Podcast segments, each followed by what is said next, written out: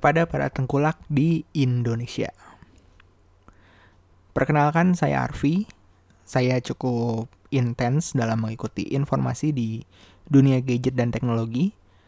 Seiring berkembangnya marketplace online di Indonesia dan kesadaran masyarakat jual beli barang di dunia maya, semakin banyak brand yang menjual langsung smartphone-nya melalui marketplace online.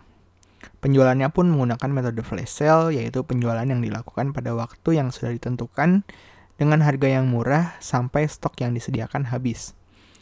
Metode ini menghadirkan istilah baru, yaitu HP goib, di mana flash sale berjalan sangat cepat, bahkan bisa satu atau dua menit habis dan esok harinya HP tersebut bisa ditemukan dengan harga yang lebih tinggi dari harga normal di marketplace online lainnya.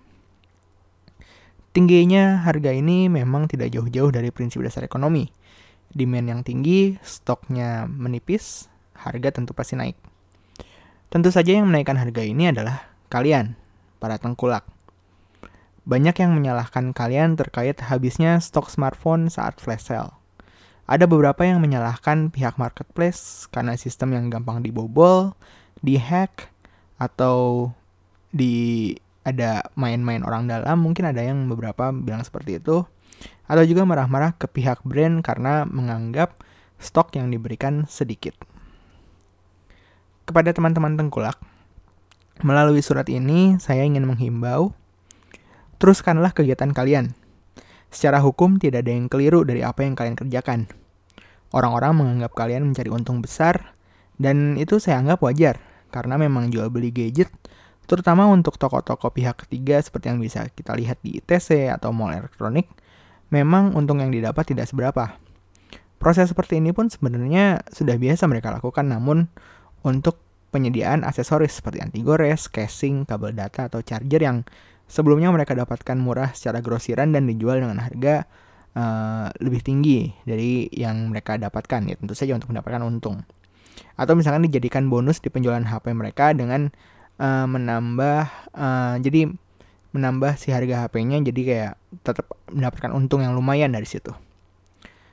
Dibandingkan bekerja sama dengan distributor resmi dan mengincar bonus dari penjualan yang sebenarnya cukup sulit karena masyarakat sudah mulai bisa memilih smartphone yang cocok bagi mereka tanpa rekomendasi dari mbak-mbak atau mas-mas menjaga toko yang ya boleh dilihat kakak.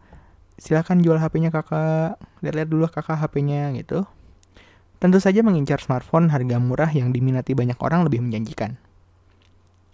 Kepada teman-teman yang mengincar harga flash sale namun terus tidak kebagian, saya sarankan sabar, jangan langsung menuduh tengkulak sebagai pihak yang jahat. Kita juga harus lihat apakah memang dari vendor sudah menyiapkan stok yang cukup sesuai dengan permintaan. Atau apakah dari marketplace-nya sendiri sudah menyediakan bandwidth yang besar sistem keamanan yang oke, dan kejelasan terkait jadwal penjualan. Melihat dari Xiaomi Redmi Note 5, Asus Zenfone Max Pro M1, dan Asus Zenfone 5, memang membutuhkan waktu sampai harganya stabil di pasaran. Untuk saat ini, Xiaomi Redmi Note 5 dan Asus Zenfone Max Pro M1 yang RAM 3GB dan 4GB sendiri sudah beredar di toko resmi dan ya berarti itu membutuhkan uh, eh, 2-3 bulan waktu yang dibutuhkan untuk mencapai harga yang stabil. Asus Zenfone 5 sendiri masih dalam kondisi goib, terutama yang warna meteor silver. Yang sampai sekarang kalau misalnya saya bisa lihat sih ada yang menjual tapi harganya bisa uh, lebih tinggi sejuta dari harga normalnya.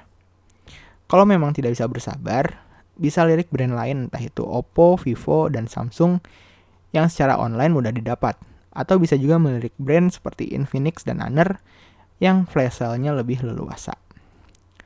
Menurut saya pribadi, selama masih ada toko-toko pihak ketiga, yang saya sebutkan tadi yang di ITC, di mall-mall elektronik seperti itu, flash sale pasti akan cepat ludes.